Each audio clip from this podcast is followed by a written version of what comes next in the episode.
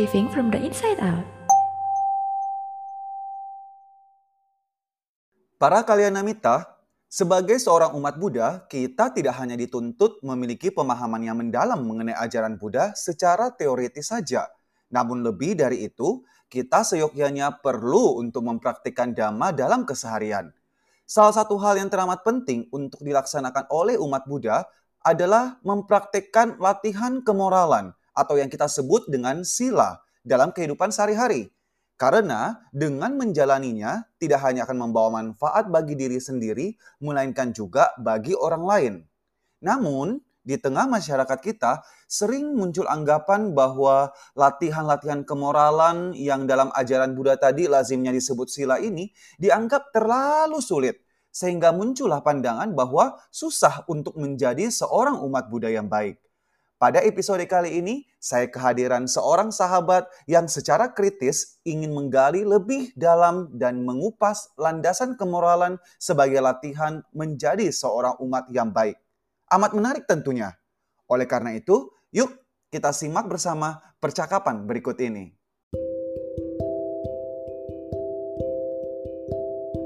Halo Ko, saya ingin menanyakan beberapa hal nih yang selama ini cukup mengganjal dalam benak saya selama menjadi seorang umat Buddha. Seperti yang saya dengar selama ini, bahwa keyakinan lain mendapatkan pandangan yang baik dan buruk dari perintah Tuhan. Nah, seperti yang diperbincangkan pada episode sebelumnya, bahwa Buddhis tidak mengenal pandangan personal God seperti itu. Lantas, bagaimana kita mengetahui mana yang baik dan buruk menurut ajaran Buddha? Uh, halo, halo, halo juga. Wah, pertanyaan pertama yang langsung jadi amat menarik nih. Oke, saya coba untuk menguraikannya ya.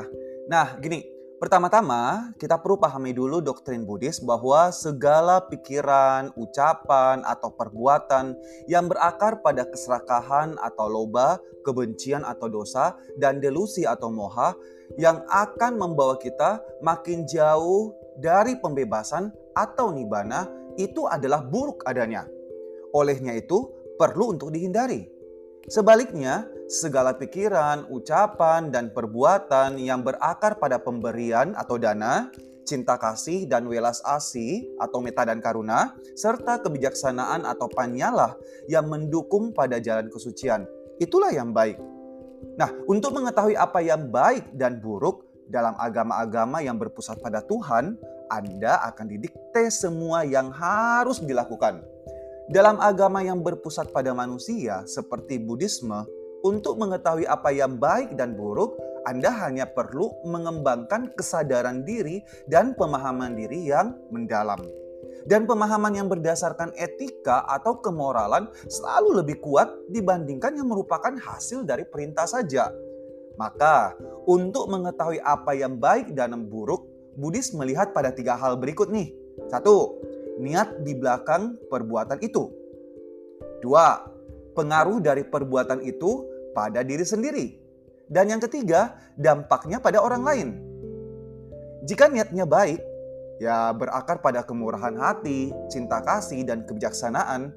Jika berguna bagi diri sendiri, ya let's say membantu saya untuk lebih belajar memberi, lebih mengasihi, dan lebih bijaksana, serta bermanfaat bagi orang lain maka mengindikasikan bahwa perbuatan saya adalah bermanfaat, baik, dan bermoral.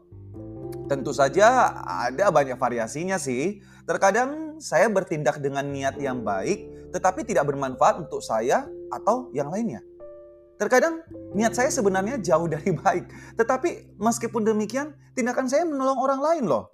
Terkadang saya bertindak karena niat baik dan tindakan itu berguna bagi saya, tetapi ternyata mungkin menyebabkan orang lain menjadi susah. Nah, dalam kasus-kasus demikian, tindakan saya adalah kombinasi-kombinasi dari yang baik dan tidak terlalu baik. Uh, tetapi yang jelas, ketika niatnya buruk dan perbuatannya itu tidak bermanfaat bagi saya ataupun orang lain, maka perbuatan tersebut pastinya adalah buruk. Dan ketika niat saya baik dan perbuatan saya membawa manfaat untuk saya maupun orang lain, maka tentulah perbuatan tersebut sepenuhnya baik. Wah, menarik banget ya penjelasannya. Hmm. Lalu hmm. pertanyaan saya selanjutnya, apakah okay. Buddhisme memiliki aturan moralitas untuk umatnya kok? Oh iya iya, tentu tentu saja ada. Lima sila Pancasila Buddhis. Nah, itu adalah dasar dari moralitas Buddhis. Apa saja kelima sila itu? Mungkin kita udah sering mendengarnya ya. Pertama, menghindari pembunuhan, termasuk melukai makhluk hidup. Yang kedua adalah menghindari mencuri. Yang ketiga adalah menghindari tindakan seksual yang tidak benar. Yang keempat adalah menghindari berdusta. Dan yang kelima adalah menghindari alkohol dan semua saat yang melemahkan kesadaran. Hmm, saya sudah sering sih mendengarkan kelima sila atau Pancasila itu, Hmm, hmm, tetapi justru malah menimbulkan semakin banyak pertanyaan nih kok. hmm, Mulai dari sila pertama tadi, bahwa hmm, membunuh atau melukai makhluk lain adalah pelanggaran sila. Hmm. Tetapi masalahnya, kadang-kadang membunuh malah baik loh kok. Contoh yang paling umum adalah membunuh serangga, yang Hmm. dapat menyebabkan penyakit atau lebih jauh lagi nih, terpaksa melukai atau sampai membunuh seseorang yang memang akan membunuh kita. Oke, Itu oke. Gimana kok? Oke oke, wah kritis sekali pertanyaannya. Tapi memang ini menarik sih. Terpaksa membunuh serangga atau orang, orang tertentu lah misalnya. Mungkin hal itu baik untuk kita. Tetapi bagaimanakah bagi serangga atau orang yang kita bunuh? Mereka ingin hidup sama seperti kita loh. Ketika kita memutuskan untuk membunuh seekor serangga yang menyebarkan penyakit, apa niat yang timbul? Hmm, mungkin kombinasi dari keprihatinan diri yang pada dasarnya adalah baik, tetapi juga tindakan membunuh yang merupakan hal yang buruk. Tindakan itu akan menguntungkan untuk dirimu. Itu berarti baik kan? Tetapi tentu saja tidak menguntungkan bagi orang atau makhluk lain. Ya berarti itu adalah buruk. Ya, jadi ada kalanya kita memang berada pada posisi yang mungkin tidak bisa tidak untuk membunuh. Tetapi ingat, tetap saja itu tidak pernah sepenuhnya baik dan dibenarkan. Hmm, oke oke, paham paham kok. Hmm. Tetapi masih ada dilema nih untuk sila pertama ini. Hmm? Saya bahkan sering mendapatkan cibiran bahwa kita, umat Buddhis, terlalu sok mengkhawatirkan tentang semut-semut atau serangga-serangga. Karena itu tadi, bahkan membunuh semut atau serangga pun sudah melanggar sila. Nah, itu gimana kok penjelasannya? Hmm, iya ya. Banyak sih pandangan seperti tadi. Tetapi begini, Buddhis mencoba mengembangkan belas kasih yang tidak membedakan dan merangkul semua. Kita melihat dunia sebagai kesatuan, di mana setiap hal dan makhluk memiliki tempat dan fungsinya masing-masing. Kita percaya bahwa sebelum kita menghancurkan atau mengacau keseimbangan alam yang rapuh ini, kita harus sangat berhati-hati di mana penekanannya telah dilakukan pada eksploitasi alam besar-besaran, diperas sampai tetes terakhir tanpa ada yang dikembalikan lagi, menguasai dan menundukkan, bahkan alam pun sampai berontak loh dengan ulah kita. Udara menjadi beracun, sungai terpolusi, dan hewan-hewannya mati. Banyak binatang dan tumbuhan yang bahkan sampai mengarah pada kepunahan. Lereng-lereng gunung menjadi tandus dan tererosi. Bahkan iklim global pun telah berubah. Jika saja orang-orang sedikit saja lebih sadar untuk tidak secara besar-besaran sengaja menghancurkan, merusak, dan membunuh, situasi buruk ini mungkin tidak akan terjadi. Nah, kembali lagi, masalah tentang semut dan serangga tadi intinya adalah agar kita harus berlatih dan berusaha untuk mengembangkan cara hidup yang lebih menghargai untuk semua kehidupan. Dan inilah yang dimaksud dalam sila pertama tadi. Iya, iya, setelah dipikir-pikir benar juga sih kok. Saya Hmm. juga setuju dengan hal tersebut. Mm-mm. Tapi nih, kalau boleh saya tanya lebih jauh lagi. Mm. Ini masih berhubungan dengan sila pertama tadi kok. Lantas, apa pandangan Buddhis tentang aborsi? Setahu saya, hal ini masih menuai pro dan kontra dalam masyarakat kita. Betul Gimana? sekali. Betul sekali, betul. Masalah aborsi ini sering memunculkan perdebatan yang tidak habis-habisnya. Ini, menurut pandangan Buddhis, kehidupan dimulai ketika terjadi pembuahan. Dengan kata lain, seketika setelah ada pembuahan. Berarti, simpelnya, apa tadi? Melakukan aborsi pada janin tentunya adalah berarti melakukan pembunuhan. Not ya? Ya, jelas sih kok. Tapi, bagaimana jika seorang wanita diperkosa? Atau in other case, ada seorang calon ibu yang mengetahui kalau anaknya akan cacat lahir. Nah, Hmm. pada case-case tersebut, bukankah lebih baik menghentikan keham- kehamilannya? Oke, eh, well, sepintas lalu hmm, mungkin hal itu benar ya. Namun, sebagian orang sepakat akan hal ini. Tetapi, mari kita pikirkan secara bijaknya. Seorang anak dikandung sebagai hasil dari perkosaan. Dia berhak loh untuk hidup dan dicintai seperti anak-anak lainnya. Apa yang salah dengan anak itu? Dia tidak seharusnya dibunuh hanya karena ayah biologisnya melakukan kejahatan, pemerkosaan. Demikian juga melakukan persalinan seorang anak cacat fisik atau cacat mental akan mengakibatkan guncangan mental yang parah untuk orang tuanya. Begitu kata mereka yang aborsi ketika mengetahui hal ini. Nah, kalau memang cacat itu jadi masalah dan kita menyetujui bahwa aborsi itu benar dalam kasus cacat tadi, argumennya adalah mengapa tidak sekalian saja membunuh anak-anak bahkan orang dewasa yang cacat pula, kan sama-sama cacat juga. Begini, ada kemungkinan situasi di mana aborsi adalah alternatif yang paling manusiawi. Nah, gimana tuh? Contohnya, untuk menyelamatkan si ibu. Tetapi mari kita jujur, kebanyakan aborsi itu dilakukan hanya karena kehamilan itu tidak diinginkan seorang wanita ya karena dianggap repot, membebani, memalukan, aib, atau hanya karena orang tuanya menghendaki menunda untuk memiliki anak bagi Buddhis, ini sepertinya adalah tetap alasan-alasan yang buruk untuk menghancurkan kehidupan. Wah, sangat kompleks ya pandangan Buddhisme tentang hal ini. Mantap hmm. kok. Terjawab sudah pertanyaan tadi. Tetapi, lanjut nih. Bagaimana dengan bunuh diri kok? Apakah hmm. itu termasuk pelanggaran sila pertama?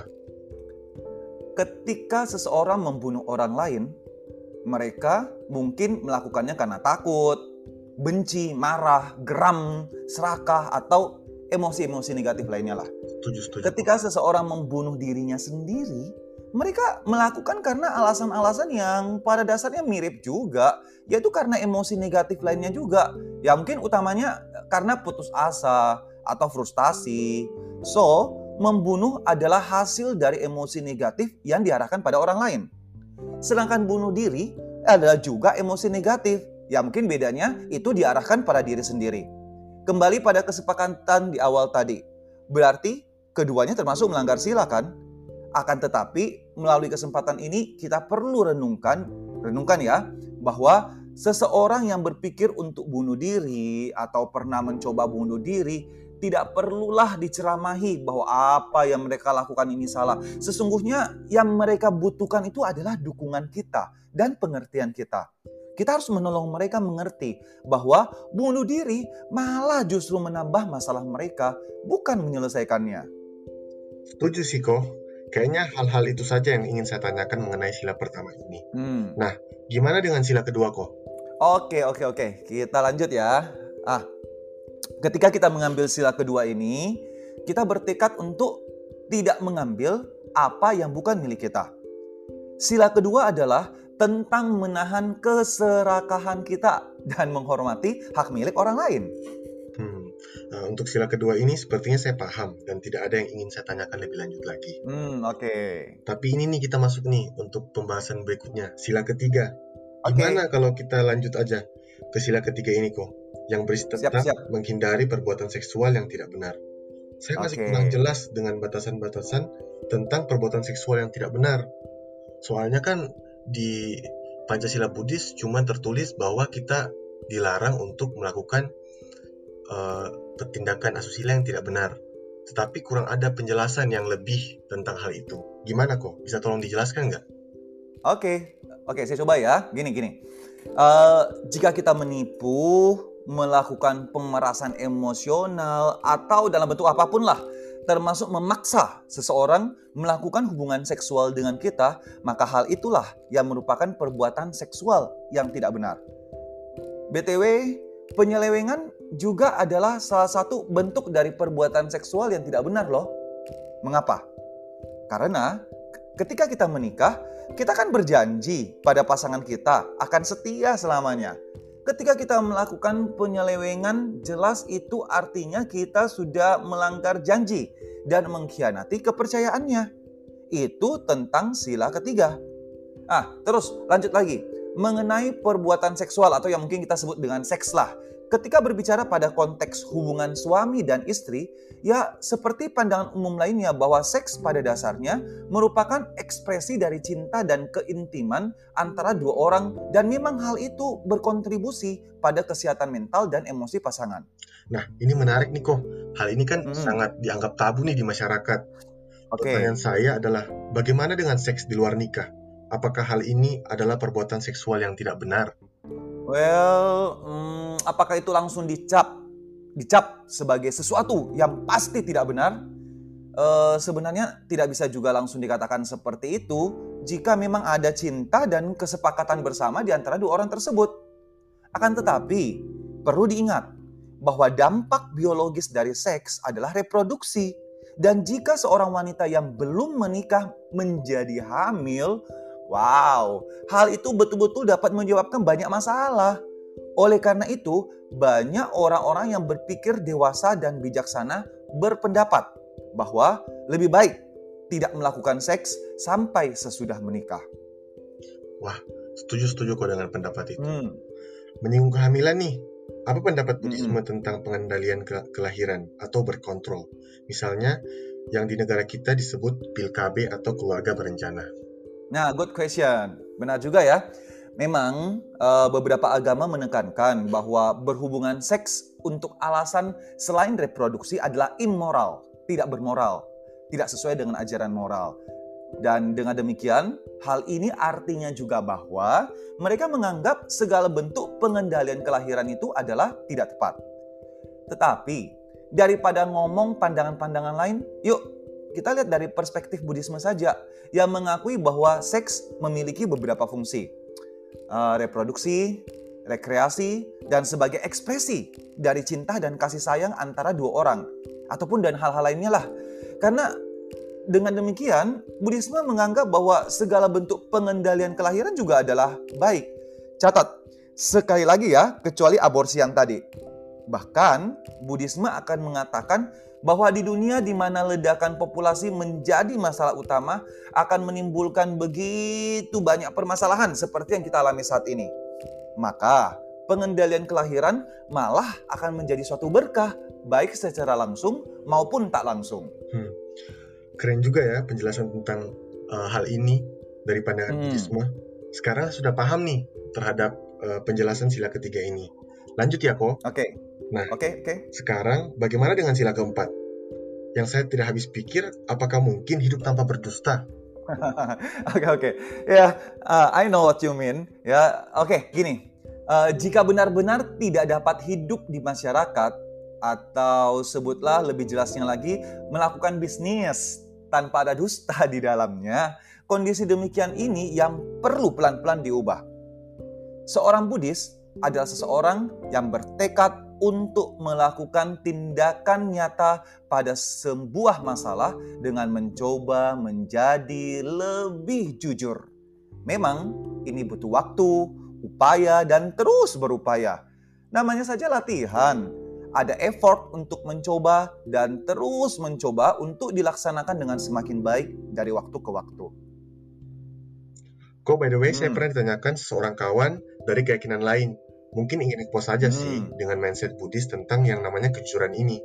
Gini kok, anggap saja saya sedang duduk di taman dan tak lama kemudian ada seseorang yang lari ketakutan melintas di depan saya. Dan beberapa menit kemudian ada seseorang hmm. yang membawa pisau dan menghampiri saya dan bertanya, apakah saya melihat orang yang sedang berlari dan ke mana orang itu pergi? Hmm. Dalam hal ini, yang perlu saya lakukan apa? Katakan sebenarnya atau memilih berbohong? Ini yang kadang-kadang membuat saya dilema. Oke, okay, oke, okay. menarik, menarik. Jika kita memiliki alasan yang kuat untuk curiga bahwa orang yang kedua itu yang tadi akan melakukan hal buruk, sebutlah kemungkinan besar melukai ini, menganiaya, atau bahkan bisa sampai membunuh terhadap orang yang pertama tadi. Maka sebagai seorang Buddhis yang cermat, cerdas, perhatian, dan bijaksana, saya tidak akan ragu untuk berdusta. Loh, Kok gitu? Nah, telah kita bahas tadi di awal bahwa salah satu faktor yang menentukan apakah itu perbuatan baik atau buruk adalah niatnya. Niatnya untuk menyelamatkan suatu nyawa atau kehidupan adalah berkali-kali lipat lebih positif dan baik dibandingkan dengan keburukan dari mengatakan sebuah kebohongan dalam kasus seperti ini. Betul tidak? Jika berbohong, minum minuman keras, ya atau bahkan mencurilah. Tetapi semua itu dapat demi menyelamatkan jiwa atau kehidupan. Kalau itu terjadi pada saya, maka saya akan memilih untuk melakukannya. Saya masih dapat memperbaiki kesalahan karena melanggar sila-sila tadi, betul tidak? Tetapi apakah saya dapat mengembalikan kehidupan yang sudah hilang? Tentu tidak akan pernah, bukan? Iya sih. betul. Nah, eh, oke kan? Nah, meskipun demikian, seperti yang telah kita diskusikan panjang lebar tadi, harap jangan menganggap ini sebagai izin atau pembenaran untuk melanggar sila apa pun. Sekali lagi, sila harus tetap berusaha untuk dipraktekkan semaksimal mungkin dengan penuh perhatian. Setuju sih kok dengan hal itu. Wah, Hmm, betul-betul sudah terjawab sudah pertanyaan saya. Oke, oke. Nah. Gimana nih kok untuk sila terakhir ini? Oke. Sila yang kelima. Gini, sila kelima mengatakan bahwa kita Mm-mm. tidak boleh meminum alkohol atau obat-obatan yang melebahkan kesadaran. Mengapa tidak boleh? Apa yang salah dengan itu? Toh yang minum juga saya, apa urusannya dengan orang lain? Nah, ya. Oke, ya, ya, ya. Pertanyaan yang kritis. Oke, good. Tapi gini, pahami dulu bahwa orang tidak minum alkohol hanya karena rasanya. Umumnya, mereka minum adalah untuk mencari pelepasan ketegangan, bukan karena rasanya loh. Dan ketika mereka minum, ya anggaplah itu bersama-sama dengan orang lain, biasanya untuk mengikuti eh, kebiasaan dalam bersosialisasi. Ini umumnya seperti itu. Tetapi bukannya alkohol dapat melemahkan kesadaran dan mengganggu kesadaran diri. Bahkan dalam jumlah sedikit pun bisa berefek seperti itu. Apalagi dalam jumlah yang banyak. Oh, efeknya itu dapat menjadi mengenaskan dan berbahaya. Pandangan Buddhis menyatakan bahwa ketika kamu melanggar sila kelima, itu bahkan kamu akan dapat sampai melanggar sila-sila yang lainnya loh. Wait, wait, wait. Tunggu dulu kok. Hmm. Tetapi minum Hmm. sedikit tidak akan benar-benar melanggar sila, bukan? Hmm. Kan cuma hal sedikit saja. Oke. Minum cuma sedikit kok. Ya, oke oke sedikit ya. Hanya hal kecil saja, hanya sedikit. Ya, hanya hal kecil saja dan jika kita tidak dapat berlatih, bahkan untuk hal yang kecil seperti itu saja, itu artinya apa? Artinya komitmen dan tekad kita dalam menjalankan sila ini perlu dipertanyakan dong, bukan begitu? Oke lah kok. Ah, Kalau gitu apakah merokok melanggar sila kelima juga? eh, merokok ya. Ah, ah. Merokok tentunya memiliki efek negatif pada tubuh. Ya seperti pada ilmu kesehatan gitu. Tapi efek pada pikiran eh, kayaknya mungkin kecil ya. Seseorang dapat merokok dan tetap waspada. Ini saya sering perhatikan pada teman-teman yang mempunyai kebiasaan seperti ini. Mereka walaupun merokok masih bisa waspada, masih bisa perhatian dan so far masih bisa mengendalikan dirinya kok. Jadi sekali lagi eh, ingat seperti himbauan pemerintah ya seperti pandangan umum eh, seperti tinjauan-tinjauan kesehatan bahwa merokok tidak dianjurkan merokok wajib untuk dihindari ya merokok dapat membahayakan kesehatan tetapi in case kita kembali pada konteks kita merokok tidak melanggar sila selagi selagi ya selagi itu tidak melemahkan kesadaran Paham, paham kok. Saya senang sekali Hmm. dengan perbincangan kita kali ini tentang kelima aturan moralitas ini. Bukan lagi berpikir tentang susahnya menjadi seorang umat Buddha dengan hal-hal yang dilarang ini dan itu, Mhm. tetapi saya memperoleh pemahaman mengenai landasan cara pandang yang amat penting untuk dipahami. oke good, good. Terima kasih banyak kok Hmm, untuk diskusi yang luar biasa menarik ini. Oke Semoga juga para sahabat di mana pun berada bisa mendapatkan manfaat dari perbincangan kita pada episode kali ini. Sadu. Ya, jadi intinya teman-teman, mari kita merenungkan bahwa lima sila tadi sifatnya negatif, yaitu melarang apa yang tidak boleh dilakukan. Di sisi lain, sila tidak memberitahu apa yang boleh dan harus dilakukan. Lima sila adalah dasar dari moralitas Buddhis dan lima sila bukan semua moralitas Buddhis. Kita mulai dengan mengenali tingkah laku negatif dan berusaha untuk menghentikannya. Itulah fungsi dari lima sila ini. Setelah kita berhenti melakukan hal buruk, kita akan mulai melakukan hal-hal yang baik.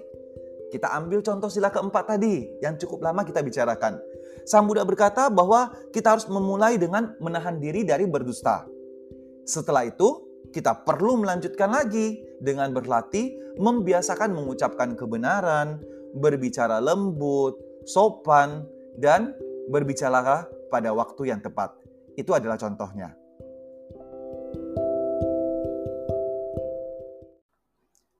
Demikianlah tadi perbincangan yang amat menarik tentang bagaimana sebagai seorang umat Buddha perlu melatih kemoralan dalam kehidupan sehari-hari.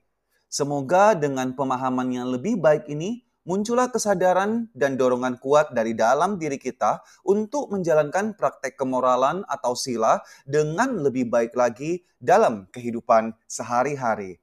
Living from the inside out.